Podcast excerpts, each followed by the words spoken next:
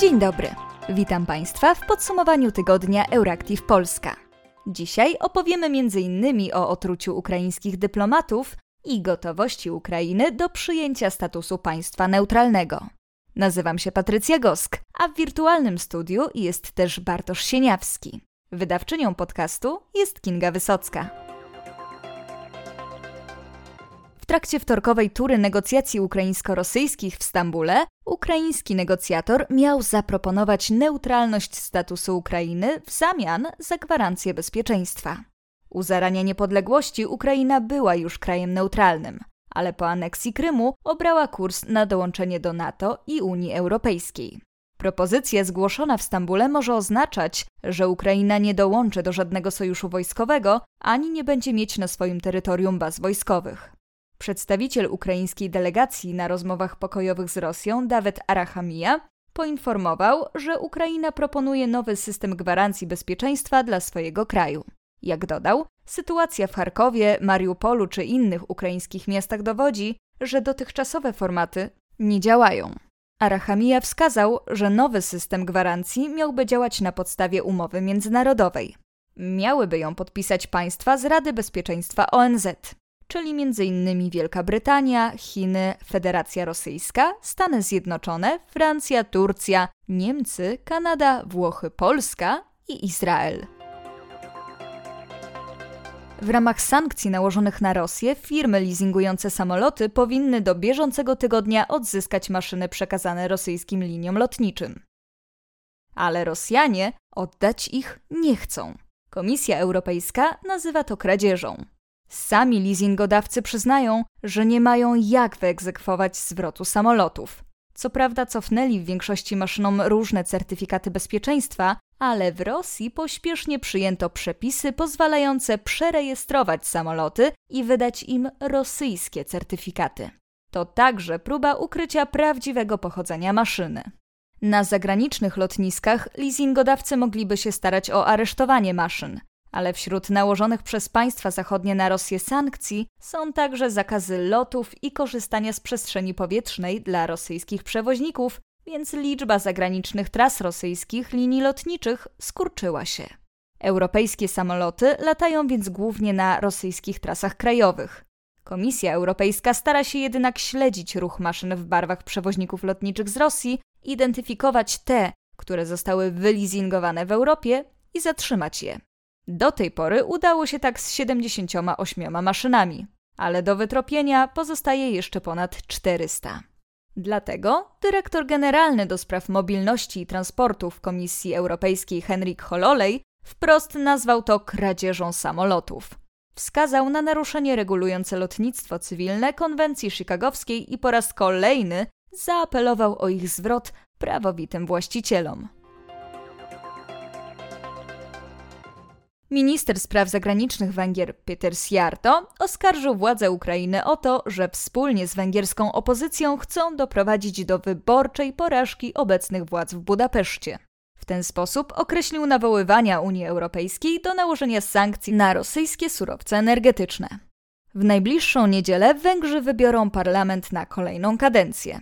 Co prawda ostatni sondaż pracowni Median daje rządzącemu Fidesowi pod wodzą premiera Viktora Orbana wyraźną przewagę, bo zakłada poparcie na poziomie 40% przy wynoszącym 32% poparciu dla złożonej z sześciu ugrupowań opozycyjnej koalicji. Ale gra idzie jeszcze o coś więcej. Możliwość zdobycia przez Fidesz większości konstytucyjnej. Inwazja Rosji na Ukrainę okazała się być jednym z głównych tematów kampanii. Obecne władze Węgier, argumentując to koniecznością zapewnienia mieszkańcom kraju bezpieczeństwa, odmówiły wsparcia broniących się Ukraińców dostawami broni, a także zabroniły transportu uzbrojenia przez swoje terytorium oraz strefę powietrzną. Taka postawa władz w Budapeszcie spotyka się nie tylko z krytyką ze strony części państw członkowskich Unii Europejskiej, ale także doprowadziła do najpoważniejszego od lat kryzysu wewnątrz Grupy Wyszehradzkiej. Nie odbyło się nawet zaplanowane w Budapeszcie spotkanie ministrów obrony V4, ponieważ z udziału w nim zrezygnowali szefowie tych resortów z Czech i Polski. Według zapowiedzi węgierskiego ministra obrony Tibora Benko, spotkanie ma się odbyć w innym terminie. Ale źródła w Warszawie i Pradze sugerują, że zapewne dopiero w lipcu, gdy skończy się węgierskie przewodnictwo w V4. Po tym, jak we wtorek odbyła się runda ukraińsko-rosyjskich negocjacji w Stambule, Rosja obiecała wycofanie swoich wojsk z obwodów kijowskiego i czernichowskiego. Ale według amerykańskiego Departamentu Obrony zniknęło tylko mniej niż 20% rosyjskich oddziałów. Kijów od początku podchodził do rosyjskich obietnic ostrożnie.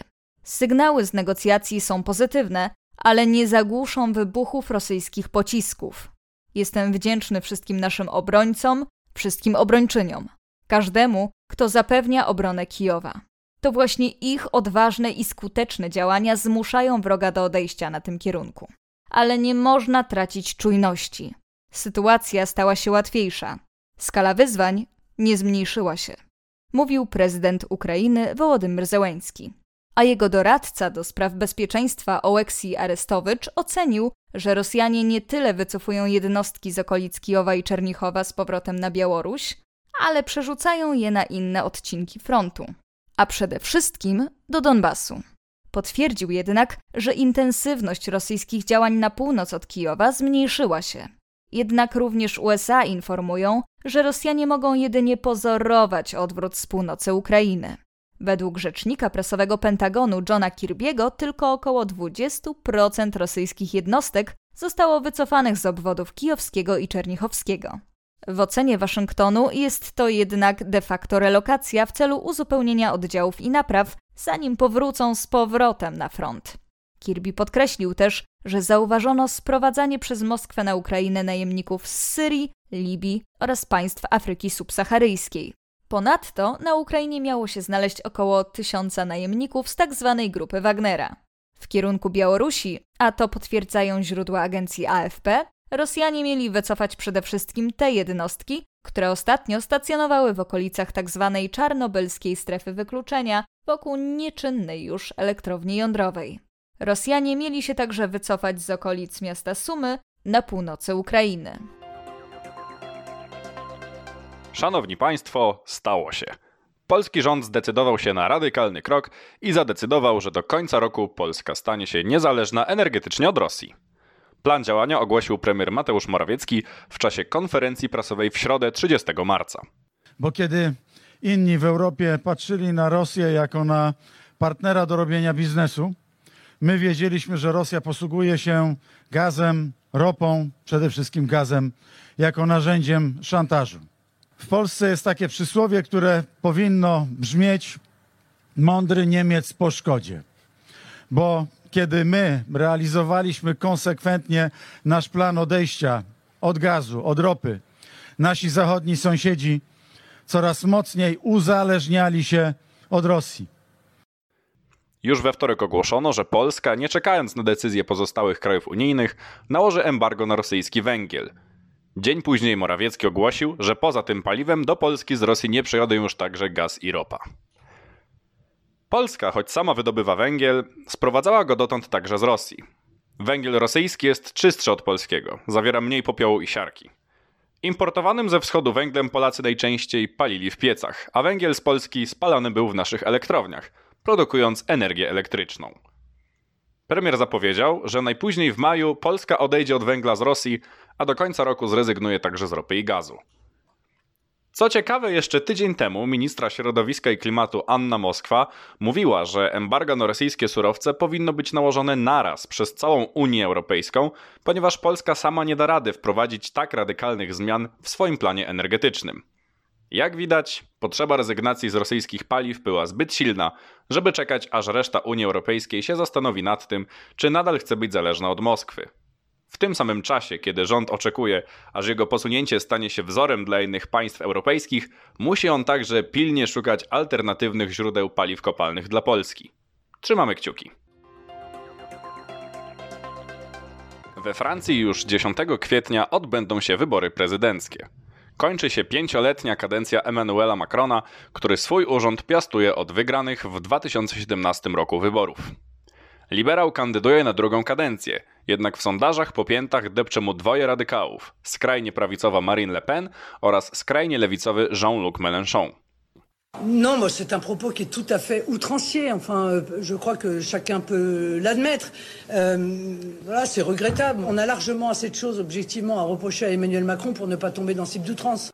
Alors ce jour anniversaire de la Commune de Paris, c'est à nous maintenant, pour ceux qui la connaissent, d'entonner à la mémoire des nôtres, morts pour la liberté, l'international.